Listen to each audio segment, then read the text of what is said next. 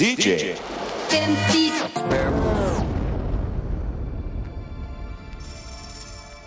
Och där var det slut på torkan. Sommarlovet är slut, eller ska jag säga bonpermisen är över. Så känner er välkomna till en helt ny säsong av DJ 50 spänn. Som vanligt med mig, alltså Tommy Jönsson, bakom mikrofoner, skivspelare och diverse reglage. Höstens första avsnitt har legat på lagring ett tag. Sent i vintras lurade jag ner regissören och manusförfattaren Christian A Söderström till min källare. Då var han i slutfasen av att få klart sin långfilmsdebut. En rulle som heter Videomannen med Stefan Sauk i huvudrollen. Christians film går på bio nu. Den kommer lite senare i höst som eh, disk och stream och allting. Och ja, det är en eh, VHS-fetischistisk story om en alkad före detta videouthyrare. Regissören, alltså Christian A Söderström, har lite bakgrund i videosamlandet. Han har doppat tårna ner i skivbörsgrävandet och som ni kanske anar av hans film så har han det där arkeologiska förhållandet till popkultur. En perfekt gäst för DJ 50 spänn alltså.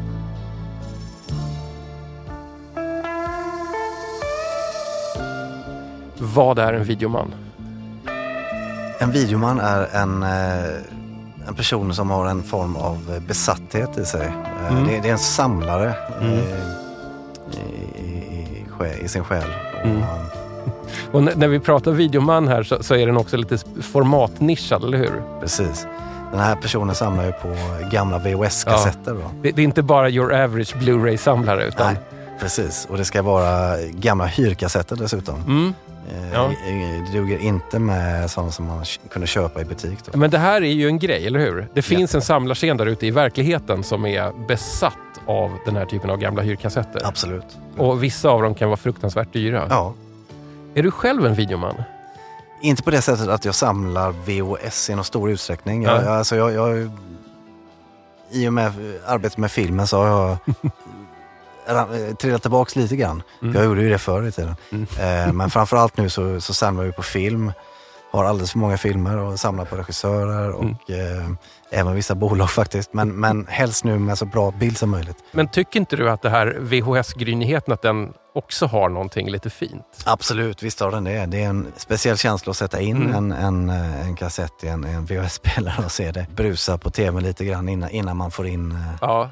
skärpan och sådär.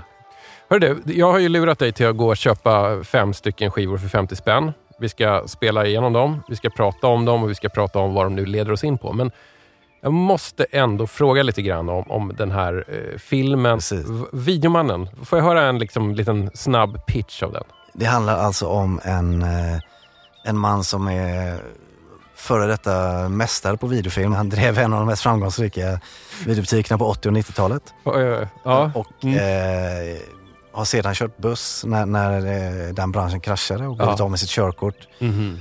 Men han, han köpte loss alla sina filmer som han har dem i en, en, i en källare. Och, En videobunker. En videobunker, precis. Och han eh, försöker att... Eh, han är en dröm om att eh, starta, en, eh, starta upp igen för konnässörer Ah. då. Va? Precis lite Mm. grann som vinyl som börjar komma tillbaka. Ja, ja, men precis. Ja. Det finns ju paralleller här, det ser man ju tydligt. Absolut. I den här filmen så är det rätt bra skådisar vet jag. Det är eh, Stefan Sauk, det är Martin Wallström som är kanske mest känd för Mr Robot. Precis. Vad har du mer? Vi har Amanda Ooms, Ja. Sven Wollter, Wow. Morgan Alling. Jag vet att du inte är uppbackad av enormt kapital här. Nej, precis. Hur fick du dem att ställa upp? Från början så var det ju många som gillade manuset. Framförallt Mm. Stefan Sauk, han var ju, han var ju, sen, sen så hjälpte ju han det är klart att Stefan är med så fick man ju de andra att lyssna. Mhm. Jag har en gammal relation till Sven Wollter så att honom hade ju någonstans, visste jag att han skulle vara med Ja. på ett hörn. Mm. Sen så tyckte jag också det var spännande att, att ha stora skådespelare i mindre roller liksom för att det... Mm. Ja, men det är väl ja. lyxigt om Mm. inte annat. Precis, det är, en, det är en spännande känsla. Plötsligt så öppnas dörren av Sven Wollter och, och sådär.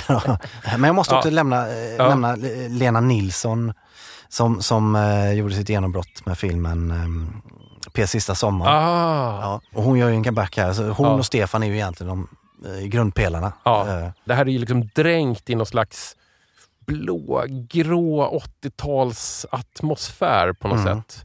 Varför vill du in i den där estetiska 80-tals och liksom 80-tals retro bubblan som kanske mest av allt egentligen är en dröm om 80-talet? mm. Om man ska utgå från filmen... Från, Eller finns det något sånt till dig? Ja, det finns ju något sånt till mig. och- Men, men om man ska utgå från filmens, för filmens bästa så är det ju så att båda de här hade sin storhetstid på 80-talet. De är föredettingar i alla fall, karaktärerna. Mm. Och därför så var det jädrigt, eh, i kombination då med min stora fäbless för 80-talet, så kände jag att det var ju klockrent att de skulle längta tillbaka. Så att de Mm. möts i det. Att Mm. kärlekshistorien bottnar mycket i deras eh, nostalgi och, Mm. Och den, den eh, utspelar sig väldigt mycket på 80-talet. Hörru, jag har ju lurat dig att gå till en skivbörs och rota i de billiga vinylbackarna och köpa fem plattor för 50 kronor. Jag undrar vart du köpte plattorna? Jag köpte dem på Mynt och skivor i Göteborg. Det är en stenkast ifrån Bengans. Mm. Som tyvärr, där, där var jag, jag började där, men Ja. tyvärr så har de höjt priserna något. Vadå, vad kör Bengan för priser? 20 var eh, nästan det lägsta. Det, det, man kunde hitta Fy. några. Ja, Ja. Det, de hade gått upp 10 spänn där. Fy! eh, ska vi börja med att eh, rulla igång dina nyinköpta plattor kanske? Absolut. Och jag ska säga en sak till dig som lyssnar på det här just nu. Att idag så kör vi det klassiska DJ 50 spänn-formatet med fem strikta skivkategorier. Chansningen.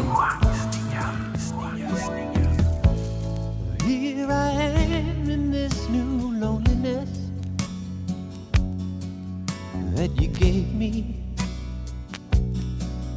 that I bought and paid so much for. Your love was all I had. And now you're not my lady anymore.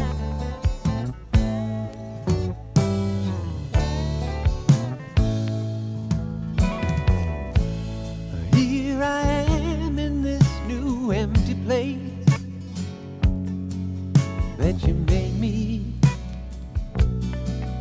that I fashioned out of sorrow. Your trust was all I had.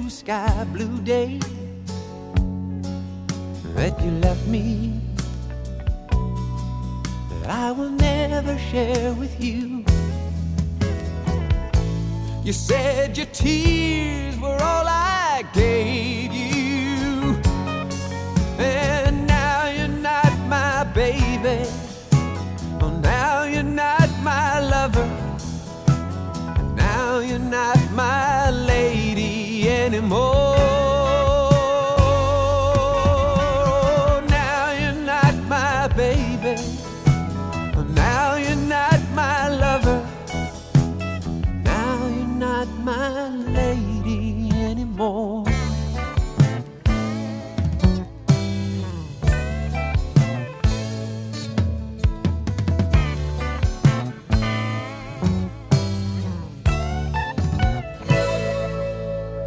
Här var det riktigt mysigt med eh, elpianon och slidiga gitarrer. Och jag skulle kunna sitta och prata i ett dygn Ja. om hur bra såna här lite egentligen halvmjäkiga amerikanska pop, country, mainstream singer-songwriter-plattor låter. Och det vi hörde var ju faktiskt Keith Carradine, alltså en eh, kanske mindre känd eh, brorsa till David Carradine. Ja, just det. Som egentligen, David var ju lite mer inne i B-träsket. Jag tycker Keith Carradine är egentligen en, en starkare skådis. eh, Ja.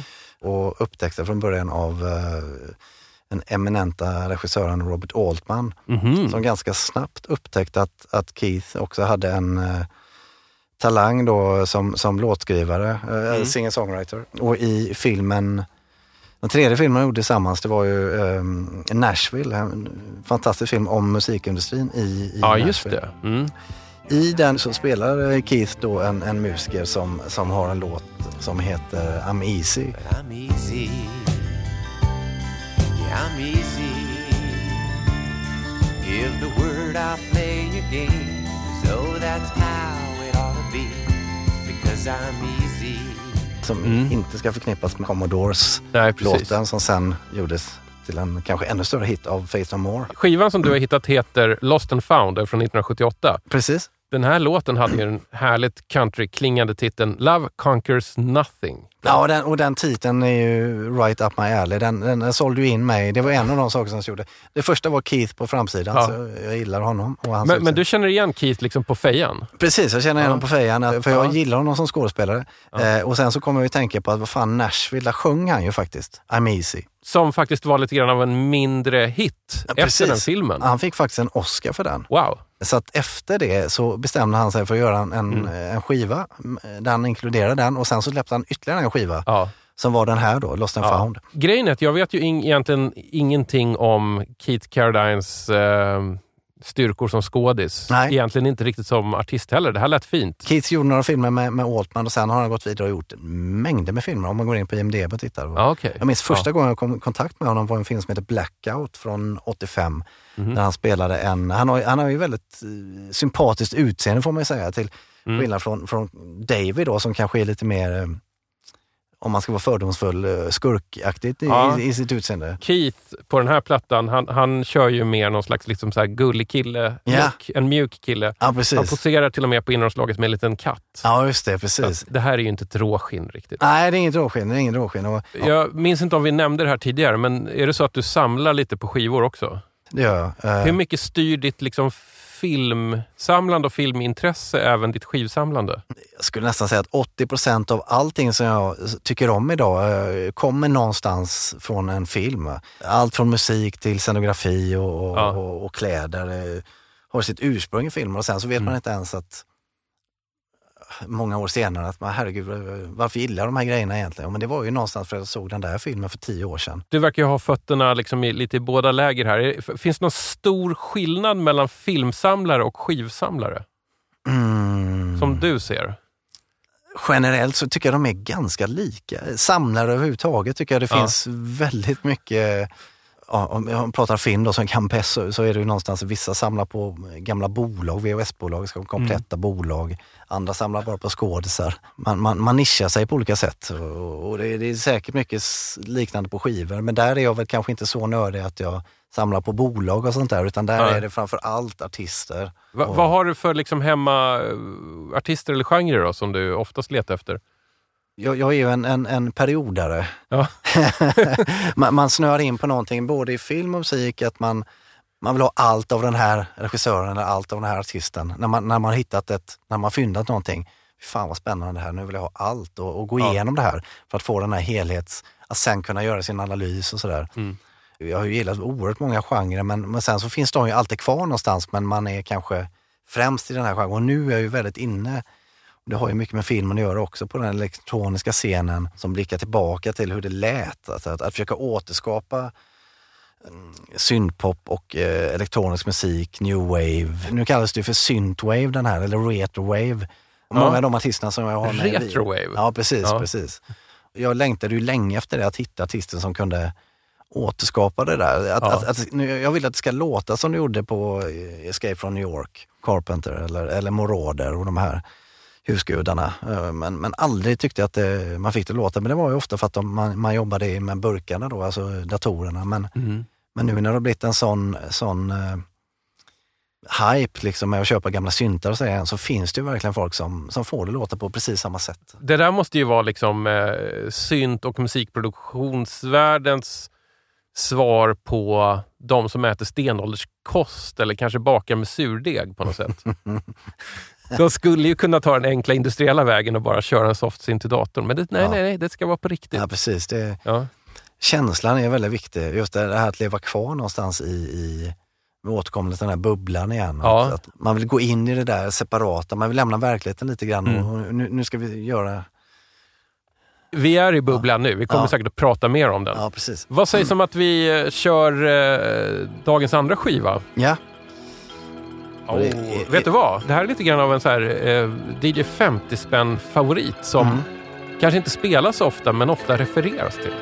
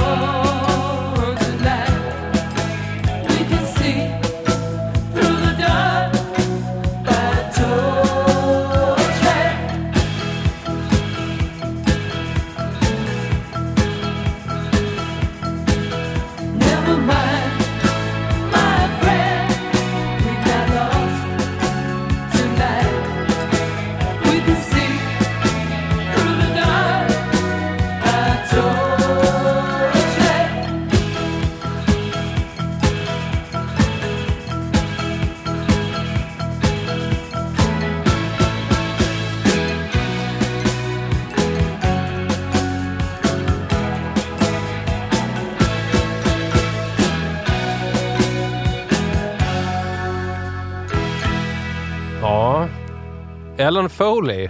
ja. Torchlight alltså, heter den här.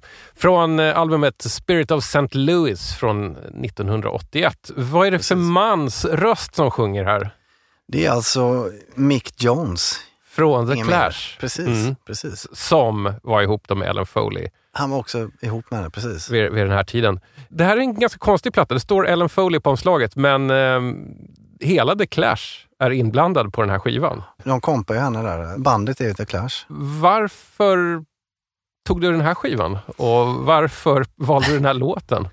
Som man, ni redan har förstått så är jag en, en, har jag en stor fäbless för 80-talet. Ja, jo, just nu. det, det börjar skina igenom. Ja. Eh, och, eh, och det finns ju olika stilar där och, och det här Mm. kändes som en tidig 80-tal, liksom lite sådär där de inte tar ut svängen. Det var lite mer minimalistiskt liksom. Ja, just Eh, det. Det här är ju vad jag skulle säga liksom lite credit 80-tal. precis. Det är alltid credit att ha någon koppling till The Clash. Ja, Men det är också någonting med att de har gjort, de har använt sig av liksom så kallat exotiska instrument i en rockkontext. Just det. de har inte gjort en stor grej av det. Dels var det omslaget och sen tittade jag på årtalet då, det var ju 81. Mm. Och sen så såg jag namnet Strummer. Om det är någon som har lyssnat igenom typ alla avsnitt av DJ 50 spänn så har ju namnet Ellen Foley kommit tillbaks ganska ofta som någon slags referens som droppas. Hon eh, introducerades för mig och för ganska många av DJ 50 spänn-lyssnarna i avsnitt 25 då min vän Rocky Jensen tog med sig då skivan Night Out och spelade en låt som var så svulstig att den lätt hade kunnat varit en Meatloaf-låt. Och det finns en Meatloaf-koppling i Ellen Foley. Hon är med och sjunger på Bat Out of Hell-plattan och var med i Pandoras box som var liksom ett slags girl group-koncept med Meatloaf-koppling. Just Ja, det. du fattar. Det lät ju verkligen inte så här. Nej, precis. Det här är liksom den lite new wave-punkiga Ellen Foley. Ja, det, det, det intressanta är också att hon, hon börjar ju då som eh, skådis i, i Hair, Mm. Musikalen där. Så att det finns ju det där svulstiga helt klart. Hon har ju den Ja, eh, ja. Mm. bakgrunden. Va? Förra skivan som, som vi spelade med Keith Carradine, eh, Ja. det var ju en eh, actor och singer. Just det, precis. Det är Ellen Foley också. Så att någonstans så kommer jag tillbaka till filmen där Ja. på ett märkligt sätt. Mm. Men eh, hon har inte gjort så många filmer, 16 stycken någonstans tror jag. Mm, Och- och- Precis. Och några säsonger av en tv-serie som heter Night Court. Okej, ja. ja. Det är mer Inte jättebra. nu måste jag ställa en jättejobbig fråga. Ja. Varför är det så att det är så svårt att släppa taget om 80-talet? Jag tror det har att göra med min samlarpersonlighet till viss del. Det här inbitna att man inte vill släppa någonting förrän man känner att man har full kontroll på det. Eh, Jag har ju alltid varit sån sen, sen eh, ung ålder att när jag väl ger mig in i någonting så blir jag väldigt fanatisk. Mhm. Eh, börjar låta som en diagnos här. Ja, jag- ja, men eh, jag vet- samlade är en diagnos. Ja, precis. Jag hade en, en, en eh, otrolig kärlek till eh, martial arts-artisten eh, Jean-Claude Van Damme i hur Ja, många år som helst. mm, mm, Innan jag började gå in på mm. Citattecken lite finare film kanske. Du menar att, inte, att Jean-Claude Van Damme inte gör fin Nej, film? alltså det är ju nästan som att jag börjar komma tillbaks dit nu, att jag faktiskt uppskattar hans serie igen och, och, och, ja. Mm. överväger att köpa Bloodsport på, på Blu-ray. Va? Det har alltid varit så att när jag väljer mig in i någonting, jag höll även på med bodybuilding, tog det eller ej, under några ja. år och var besatt av det och, och, Mhm. och läste allt om det där. Va? Jag, jag tror det har med det att göra, att, att vilja ha ja, jag har ett stort kontrollbehov helt enkelt. Har svårt att släppa någonting innan man känner att ja, nu, nu har vi koll på det här och då kanske man Ja. kan gå vidare. Ja, jag vet inte om det var svar på din fråga men... men eh, Ja, men kanske lite grann. Jag försöker ju Mm. ibland använda det här DJ 50 spänn som någon Mm. slags eh, självterapi genom det. att bjuda in både vänner och folk jag inte känner för att Mm. prata om sånt som egentligen eh, är mitt problem med mig själv. Och mitt Just problem med mig själv är att jag har ju väldigt svårt att göra mig av med grejer. Mm. Jag får ju ganska ofta frågan så här, eh, DJ 50 spänn, eh, är inte det bara nostalgi? Och det skulle ju kunna vara det, men i mitt fall så är det faktiskt inte nostalgi för att väldigt många av de här skivorna är sånt som jag aldrig har hört förut. Nej, Alltså, det är, alltså på ett sätt är det fullkomligt nytt. just Det är bara att det råkar vara gamla skivor från en loppisback. Mm. Vilket gör det ännu snurrigare. Det hade varit enklare om det bara hade varit nostalgi. Ja, Det kan finnas nostalgisk kvaliteter i hur det låter. Mm. Man gillar soundet kanske. det. Det känner man igen sedan tidigare. Man kanske inte har hört låtarna eller artisterna. Nej, precis. Det borde väl finnas i film också gissar jag. Absolut. Att det finns väldigt mycket sånt som man aldrig hade chansen att se Nej, för 30 år sedan, men som dyker upp nu. precis. Jag minns på 90-talet då var jag fanatisk med 70-talsfilm och, och, och 70-talskläder och allting som hade med 70-talet att göra. Mm. Vilket jag släppte sen och eh, nästa grej som jag började glida in på det var nog 80-talet. För, för Mm. på 90-talet så hatade jag 80-talet. Det var för nära. jag vet. Det är också att man behöver den där lilla distansen innan man kan men 80-talet har hållit i länge nu och, Mm. och ja, nostalgin blir väl också för mig, ju äldre jag blir, en, en, en viktigare känsla, en, en, en starkare känsla. För den, för mig så tror jag någonstans att, att, att konstnärskap och den, den kultur jag intresserar mig för, den måste ha den här dubbla det måste finnas två känslor på samma gång någonstans. Jag tycker nostalgi är nästan den finaste formen på det. Det är både en gåshudskänsla av eh, åh vad mysigt det var på den tiden, det var bättre förr. Men det finns också en, en, en sorg i det att, att inte kunna få uppleva det igen och att man kanske har missat en del utav det som hände då. Fast det får man bara tugga i sig. Ja. Det, man kommer, det spelar ingen roll hur mycket man lyckas samla på sig och hur mycket man lyckas eh, se eller höra. För man kommer ändå alltid ha missat Mm. större delen av allt som finns. Nej, nej, men det, det, det är en ambivalent känsla som är väldigt spännande. Både Ja. vacker och eh, vemodig. Liksom. Det, Jag älskar det. Hör du, jag har laddat upp dagens tredje skiva. Mm. Nu har det blivit dags för Skivbörsklassiker.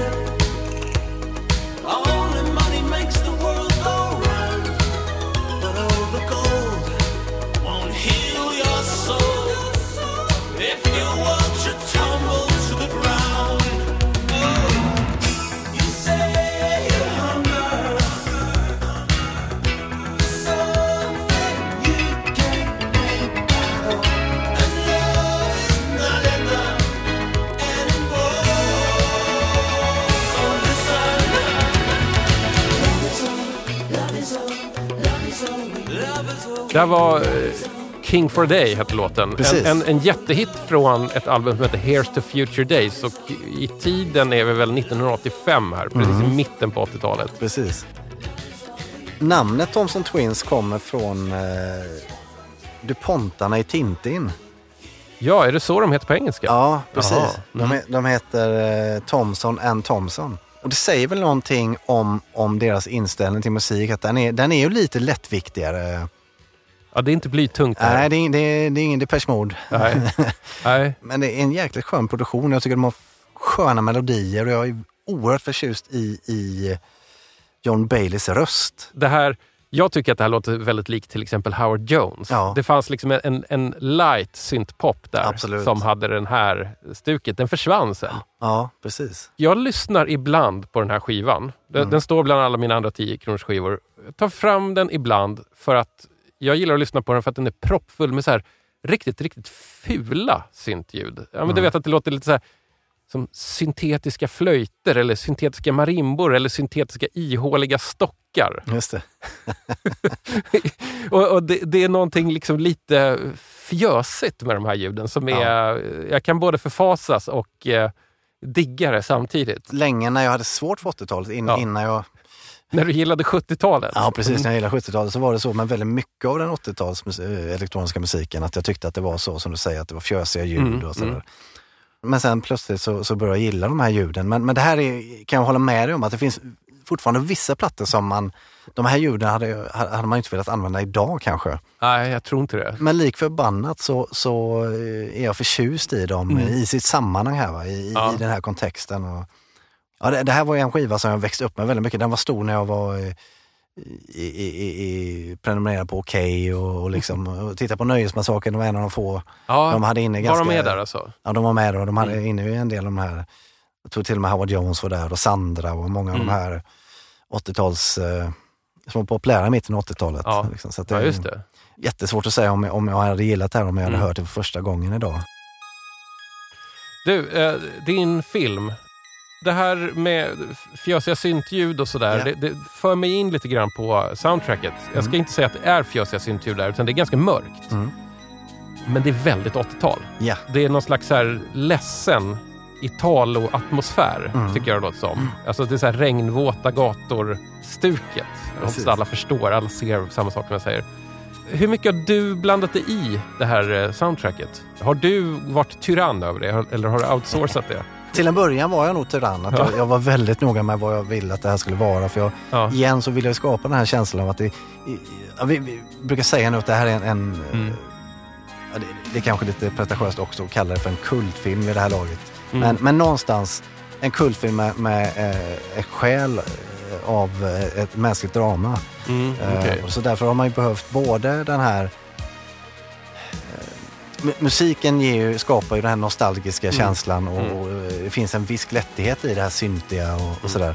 Sen så finns det ett mörker under ytan så det var viktigt att musiken hade båda de stråken i sig. Mm. Så igen är det en form av symbios av, Mm. av eh, lite cheese och eh, mycket svart humor men också eh, i botten eh, svärta. Va? Eh, och jag är väldigt förtjust i de där, de där symbiotiska tillstånden. Mm. Liksom. Vi har ju både en, en del Italo-disco som är lite glättigare och sådär. Mm. Sen har vi lite mörkare scoremusik av Wave Shaper och Robert Parker som, som vill nämna som har varit fantastiska i att de fick mycket instruktioner från mig från början men sen Mm. har de också kommit tillbaks med grejer som var faktiskt bättre än vad jag hade tänkt mig. Okej. Så- Ga- Gav du dem en moodboard? Ja, Det, gjorde här jag. ser jag framför mig. Det gjorde jag. Vi pratade, vi pratade mycket eh, syntar och, och, Mm. och ljud och sådär som jag Mm. kan vara lite fanatisk med. Efter ett tag märkte jag att jag kan släppa det för att de Ja. kommer tillbaks med grejer som inte jag har koll på Mm. ens. Så att, Soundtracket är släppt, det finns på Spotify så det går att lyssna på. Och, och Jag kan ju tipsa då eh, skivbörsgrävare där ute att det är ju lite roligt att man bläddrar bland låtarna där så hittar man eh, gamla Italo-stjärnor som Ryan Paris och Tom Hooker till exempel. och där måste jag också nämna Johan Agerbjörn som har Ja, just gjort det. mycket bra mm. Italo-grejer med, Mm. med Sally Shapiro. Precis, det är innan. liksom ny-Italo. Ja, precis. Ny-Svetalo till och Ja, med. just det. Så han har, han har specialskrivit ett par låtar för det här. Och där har vi även singel, tyvärr, som inte kom med på soundtracket, med Samantha Fox. Uff, eh, ja. Riktig Mm.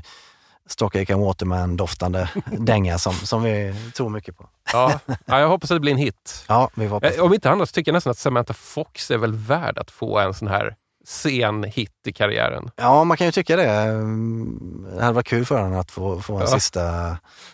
Du ser lite diplomatisk ut här. Jag kanske inte ska gå in djupare i det här. Men du, Ja. eh, om du med eh, pistol mot tinningen tvingas välja bara ett enda 80-tals sound att stanna kvar i resten av livet, Mm. vilket skulle det bli? Det är nog en, en, en, en mörk basslinga liksom, som man of- ofta återfinner i, i John Carpenters soundtrack. Mm. Det som är så bra med John Carpenters soundtracks från så här tidigt 80-tal är att de låter så fruktansvärt billiga också. Mm. Om jag fattat det rätt så var det väldigt billigt. att Musiken skulle ju bara göras, så, så att när han var klar med filmen satte han sig ner och bandade lite musik. Precis, kör ihop det på några veckor. Men nu åker han ju runt och spelar och turnerar och Ja, jag vet. skriver Det är jättekonstigt. Han, han gör liksom skivor som ska låta lite som hans gamla Ja. filmmusik. Ja. Men live har de biffat upp det lite för Mm. mycket så att det är liksom typ hans son som sitter och bankar på trummor också. Ja, och det är mycket gitarr och sådär. Men jag, vill ändå, jag, jag tycker Ja. ändå det är bra. Vi ska inte ta det Nej. ifrån honom. Nej. Jag tror att han älskar varje sekund av det. Ja. Tänk dig själv att vara 70 någonting och Mm. få åka ut och turnera med någon slags här mörk instrumentalt syntmusik. Ja. Nostalgiköpet.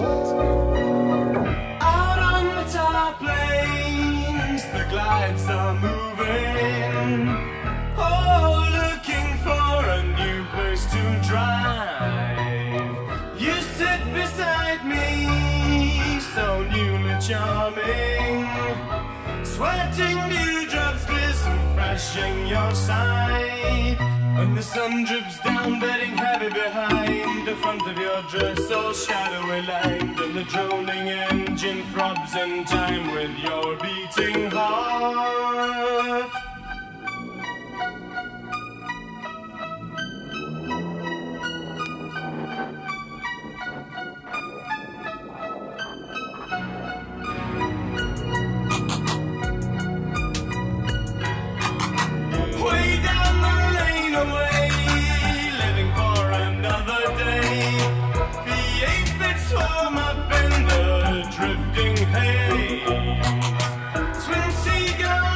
Sky towards that hollow western isle. My envied lady holds you fast in her gaze.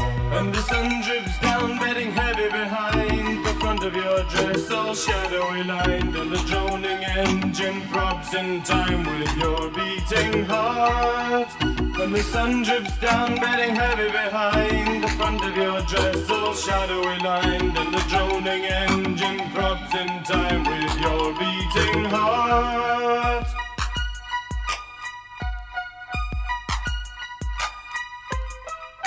Sing,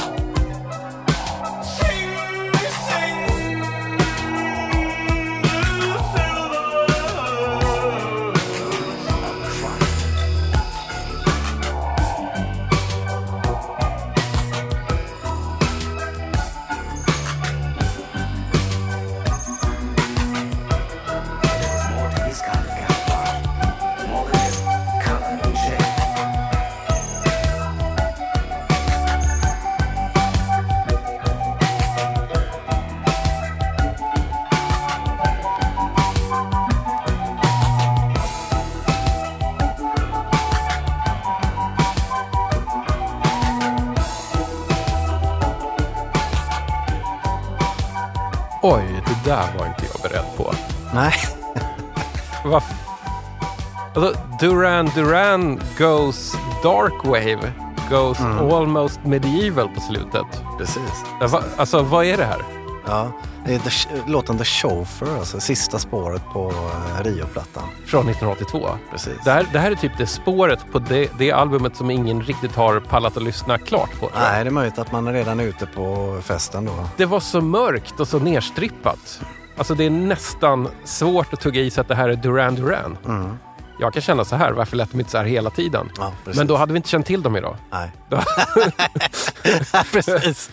Ja. Nej, jag jag är väldigt dig glad att du tipsade mig om det här spåret. Det här har flugit under min radar hela livet. Det här var riktigt, riktigt bra. Mm, vad kul, vad kul. Ja. Jag, håller, jag kan bara hålla med där. Ja. Har du varit eh, Duran Duran-fan i ditt liv? Duran Duran var egentligen en av de första banden som jag började samla, Ja. köpa på mig skivor, eh, kassett var det ju då. Egentligen en kompis som fick in mig på dem och jag, jag gillade dem men, men var aldrig sådär egentligen fanatisk tror jag. Utan det var egentligen att jag hängde på och att det var jävligt roligt att komma igång med det här. Att, ah, vad häftigt att följa ett band och sådär. Ja. Eh, De var ju ett spännande band. Det kändes alltid lite dekadent med dem. Absolut. Alltså, man såg videosarna kändes osunda för barnögon på Mm. Ja, något sätt. verkligen, det, det verkligen. kändes syndigt. De hänger på en eh, segelbåt och det kommer upp en telefon ur vattnet och alla är halvnakna och Just så vidare och doppade i färg. Och de var på något sätt lite för snygga för sitt eget bästa. De var ju udda och hans röst är ju väldigt speciell. Ja. Eh, Det är inte mycket snack om Duran Duran nu. Jag, tycker, Nej. jag tänker att de, det är ett band som inte riktigt får så mycket så retro-cred heller. nej, Utan de är liksom lite kvar där i sin Precis. 80-talsbubbla som är den verkliga 80-talsbubblan. Hur ofta lyssnar du på dem idag? Inte ofta, men, men jag måste säga att den här skivan har jag lyssnat på en del. Eh, Ja. För att jag, jag återupptäckte då, eller jag hittade den här låten ganska sent också. Mm. Och efter det så började jag lyssna på, på hela skivan och tycka att det här är en jävligt välproducerad skiva och spännande. Även Mm. de eh, lättsammare spåren är jävligt bra låtar. Alltså, jag Mm. tycker en låt som Rio är fantastisk. Ja. Vi skulle säkert kunna sitta och prata om Duran Durans Rio-album eh, resten av natten, men jag väljer att inte göra det. Jag, jag är fortfarande liksom lite stand av det här The Chauffeur-spåret. Jag har en annan fråga till dig. Varför gör du film? Mm, det, det, det börjar ju egentligen med att jag alltid har älskat fantasivärldar. Eller, eh, Mm. Det behöver inte betyda världar som är jätteskilda från verkligheten, men, men att hitta en eh, alternativ verklighet då, som, Mm. som, som passar mig bättre. vad, är, vad är det för fel på verkligheten? Ja, eh, det finns ju mycket fantastiskt i verkligheten, men, men det finns också en, en eh, ett, ett, ett sug och, en, en eh, mystik som jag har funnit i film som jag eh, kan sakna många gånger i verkligheten. Eh, Ja. Att befinna sig mer i det landet än i vardagen. Liksom. Mm. Att oftare kunna besöka det. Och det, och det känns som att eh, det, det är nog en av grundförutsättningarna till att jag, att jag började intressera mig för, för Mm. att hålla på med film. Mm. Först att titta i film, men sen också att man också kunde då skapa det här själv. Med Videomannen så är det ju så här att det är ju en film som egentligen inte har någon finansiering om jag har fattat det rätt. Alltså du har gjort den ganska mycket ur egen ficka om jag har fattat det rätt. Mm. Nu är jag lite som en uppfordrande förälder här. Mm, precis, Men precis. varför gör man en sån grej? Igen det här, alltså det, det finns en spänning i det här att ge sig ut i, i eh, det okända lite grann. Mm. Eh, som man kan sakna ibland i, i verkligheten. Eh, och och, det, och det, det momentet har ju film det här, ska vi lyckas? Ska vi, ska vi genomföra det här? Liksom? Är, är det möjligt? Eh, men sen så har det väl handlat om också att jag så länge har skrivit manus och hållit på och gjort kortfilmer. Eh, och kände att det, jag, det längre formatet passar mig mycket bättre för att jag vill fördjupa mig i mänskliga porträtt. Och så här, jag är mer än intresserad av människor än att berätta om koncept eller en, en, Mm. en situation. Men sen så jobbade jag med reklamfilm i fyra år, så fast och, och under den tiden så hade jag, gjorde jag en kortfilm, annars brukar jag göra nästan en kortfilm per år. Mhm. Så jag kände mig en otrolig hunger att när jag slutade där, att nu, nu är det dags att göra den här långfilmen. Och jag hade tänkt att jag skulle gjort den när jag fyllde 30 Mm. och så blev det inte och så börjar jag närma mig 40 nu, så nu är det dags att göra den då. Det har varit svårt att finansiera mina grejer på grund av att det inte är en specifik genre många gånger. Det är ingen polisfilm, det är ingen, det är ingen komedi. Men vet du vad, det där gäller ju inte bara film. Det där gäller på det stora hela. Att om du har någonting som är två saker samtidigt så backar folk ut. Ja. För att det är inte tydligt. Nej, Idag precis, måste allting vara tydligt. Så pass tydligt att folk förstår det på en sekund. precis. Jag upplever till och med att väldigt många efterfrågar att kunna förstå eller ta till sig en hel handling på en sekund. Mm. Så att det inte ens finns en, eh, ett tålamod för att stå ut med en berättelse som vecklar ut sig över tid. Nej. Eller att det finns en sekvens i ett berättande. Vilket jag tycker är väldigt intressant. För jag Ja. tror att det har lite grann att göra eh, med eh, medieutvecklingen Mm. under kanske, inte alls bara under interneteran, under, under en ännu längre tid. Alltså Mm. låt säga 40-50 år. Men det som blir då den logiska slutprodukten här, den perfekta produkten för det här, är ju ett meme. Själva antitesen till en långfilm Ja, eller en roman. precis. Absolut. Eller ett album för all del.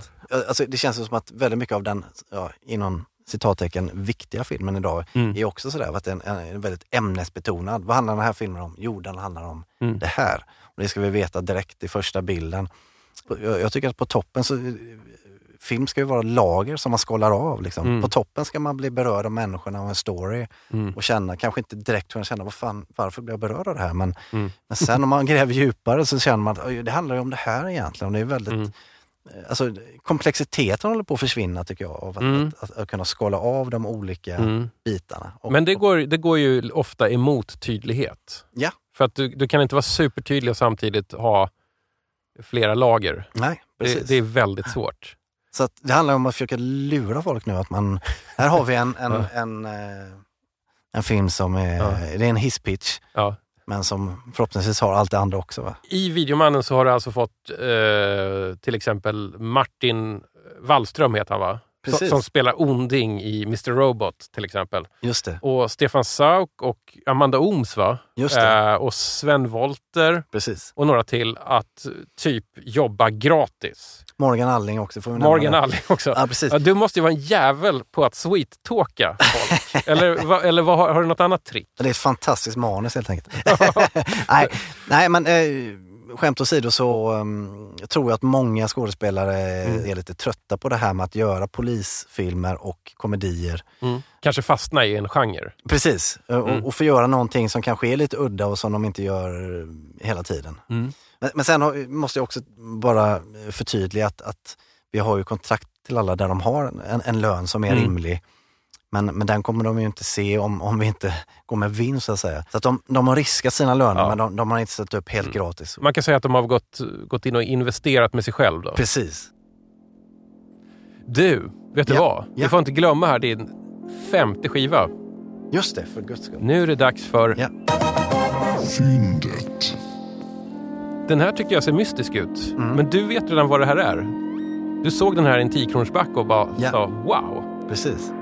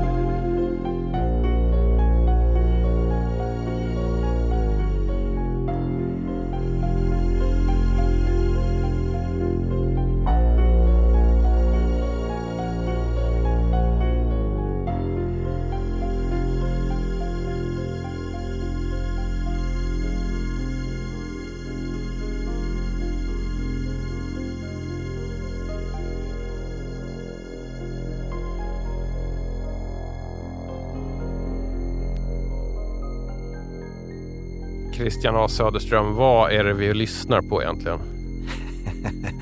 Det är mm, Colin Towns, eh, en, en eh, brittisk jazzmusiker från början som har gjort en score till en fantastisk film som heter Full Circle. Eh, Det här är soundtracket alltså? Det är soundtracket till den, precis. Med Mia Farrow i huvudrollen för övrigt. Mhm. Det här har helt och hållet flugit under radarn för mig. Jag tror jag aldrig hört talas om Colin Towns förut. Jag har Nej. än mindre hört talas om den här filmen. Nej. Du hade koll på det. Mm.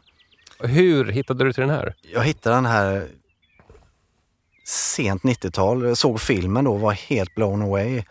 Både av filmen och filmmusiken. Och eh, länge därefter så ansåg jag väl att det var bland det bästa jag hade hört i filmmusikväg. och har försökt eh, flera gånger återskapa det här i Ja. lågbudget eh, kortfilmer och sådär. Alltså hur det här lät? Ja, precis. Lite pianoplink och så är det liksom en, en så här, alltså så ett portamento på någon djup bas. Ja, alltså det var ju precis. väldigt, väldigt precis. 70-taligt sound. Ja Alltså. precis, jag tror det är mogsynt och, och sen är det ju någon fin stråkmaskin där och Mm. många grejer som jag har varit oerhört nördig med. Ja. Jag har varit väldigt inne på Ja. progressiv rock också. Ah, ja. eh, Som vi inte riktigt har fått in här men här finns ju inslag av det. Jag tycker att det hör man att det här är en proggy-rockare. Mm. Och jag var tvungen att läsa på lite och det stämmer väl lite grann. Han Mm, verkar ha gjort en del saker åt det hållet. Han har eh, jobbat lite med Ian Gillen till exempel. Ja, just det. I, I hans liksom, Gillen-bandfas där. Precis. Alltså det drog väl åt metal men visst fanns det väl progginslag i det också? Ja, sen Ja. har han fastnat mycket och gjort eh, filmmusik på senare år. och Sådär. Alltså, vet du, jag är lite förvånad över att jag ändå aldrig har snubblat över Colin Towns. Jag brukar ändå leta lite grann i det här progg facket nu. Mm. Vet, du vad, jag scrollar precis just nu i, i listan över saker som han har komponerat för. Det är ganska mycket. Ja. Jag hittade till slut ett, Just det. en titel som jag kände igen. Okej, Foils War. Okej. Sånt gör han nu för tiden. Så att det är liksom lite tv-serie. Ja, just det. Just det. Men det här var ju bra för det här var väldigt illavarslande. Och så finns det också något väldigt, väldigt skört i mitten Ja. där och liksom det här lilla motivet som kommer in i mitten Mm. som, som är nästan som en vaggvisa. Men, Men vad är det för film? För att jag får ju bara kusliga känslor av det här. Ja, och det, det är en film eh, jag älskar ju skräckfilm, men, men det är väldigt få skräckfilmer som, som jag tycker är helt lyckade. Det finns Mm. några få, man kan räkna den nästan på en hand. Ja. Det här tycker jag är en av dem, just för att den är också igen då baserad på ett mänskligt... Det, det, är en, det är en kvinna som förlorar sitt barn i början, Ja. sätter ett äpplebit i halsen, en fruktansvärd scen hon är tvungen att skära av halsen. Och, sådär. Ja. Eh, och, och sen så är hon ju, ligger hon på psyket ett tag och, och, och sen när hon ska komma tillbaka till familjeliv så klarar hon inte. Hon kan inte komma tillbaka, hon kan inte finna sig i, i situationen med sin man och sådär. Så hon, hon flyr det och, och Ja. köper sig ett eget hus som är alldeles för stort egentligen. Och sådär. Mm, mm. Men som påminner om det hon hade. Och I det huset så, så, så börjar hon känna att det finns någon um, närvaro av någonting. Christian, du har ju ehm, köpt fem skivor på uppdrag. Eh, Ja. Vi har spelat igenom dem, vi har pratat om dem. Lärde du dig någonting av att köpa skivor på det här sättet? Jag kan känna att jag... det, det, det väckte lite av min eh, samlarsjuka. Oh. som, som kanske har varit, eh, vad det gäller vinyl, eh, Ja. inte så levande det Nej. sista. Kan det bli ett litet återfall? Det, jag, jag tror det kan bli så. Långa lördagar på skivbörsen. ja, precis. För att det där existerade ju för några år sedan. Liksom. Mm. Och, och just det här att, att ehm, och det här detektivarbetet och se, Ja. finns det en koppling till någonting som man Mm. faktiskt känner till och hur ofta det faktiskt gör det. Mm. Det finns en slutstation Ja. som vi bara ska bocka av. Och sen kommer jag släppa iväg det här från mitt lilla källarhål där vi spelar in DJ 50 spänn. Det har blivit dags för James Last. Är det ett namn som säger dig någonting? Nej, det gör det faktiskt inte. Vad skönt. Ja. Får jag ta din James Last-oskuld här? Ja. Christian, det var underbart att ha dig med i DJ 50 spänn. Oerhört kul att vara här måste jag säga. Nu blir det tyskt.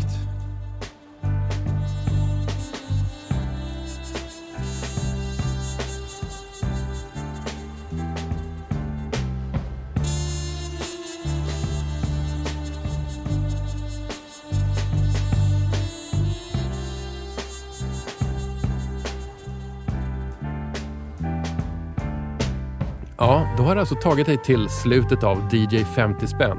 Avsnitt nummer 109. Nypremiären av det gyllene nätradioprogrammet som ju som alltid drivs av billig begagnad vinyl för 50 spänn per tankning. Om du lyssnar på det här väldigt snart efter publiceringen och råkar befinna dig i Stockholm fredagen den 7 september så har jag ett tips till dig. Swedish Smorgasbord. Kom till Larrys Backroom och frossa i försvenskningar med mig och med superskivgrävaren Martin Alarik. Försvenskningar är alltså svenskspråkiga covers på utländska låtar. Ungefär som när Svante Thuresson sjunger “Vem är jag för dig?” istället för “How deep is your love?”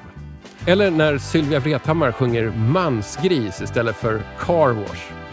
Och skivor med den här typen av låtar på, det samlar vi alltid på så det är dags att lufta några kubikmeter av dem. Swedish Smorgasbord alltså, på Larrys Backroom, som ligger på Grindsgatan 35, som ligger på Söder i Stockholm. Och tid för det här är alltså fredagen den 7 september från 18.30 till 22.30. Vill du ha mer kvalitetsinfo av den här typen så följ mig på sociala medier. Sök DJ 50 spänn på Twittan, Fejan och Insta. Och vill du mejla? Ja, då skriver du bara till hej snabel dj50spann.se. DJ 50 spänn produceras av mig, alltså Tommy Jönsson, i samarbete med produktionsbolaget Rundfunk Media. Vi hörs snart igen. Tack för att ni lyssnade.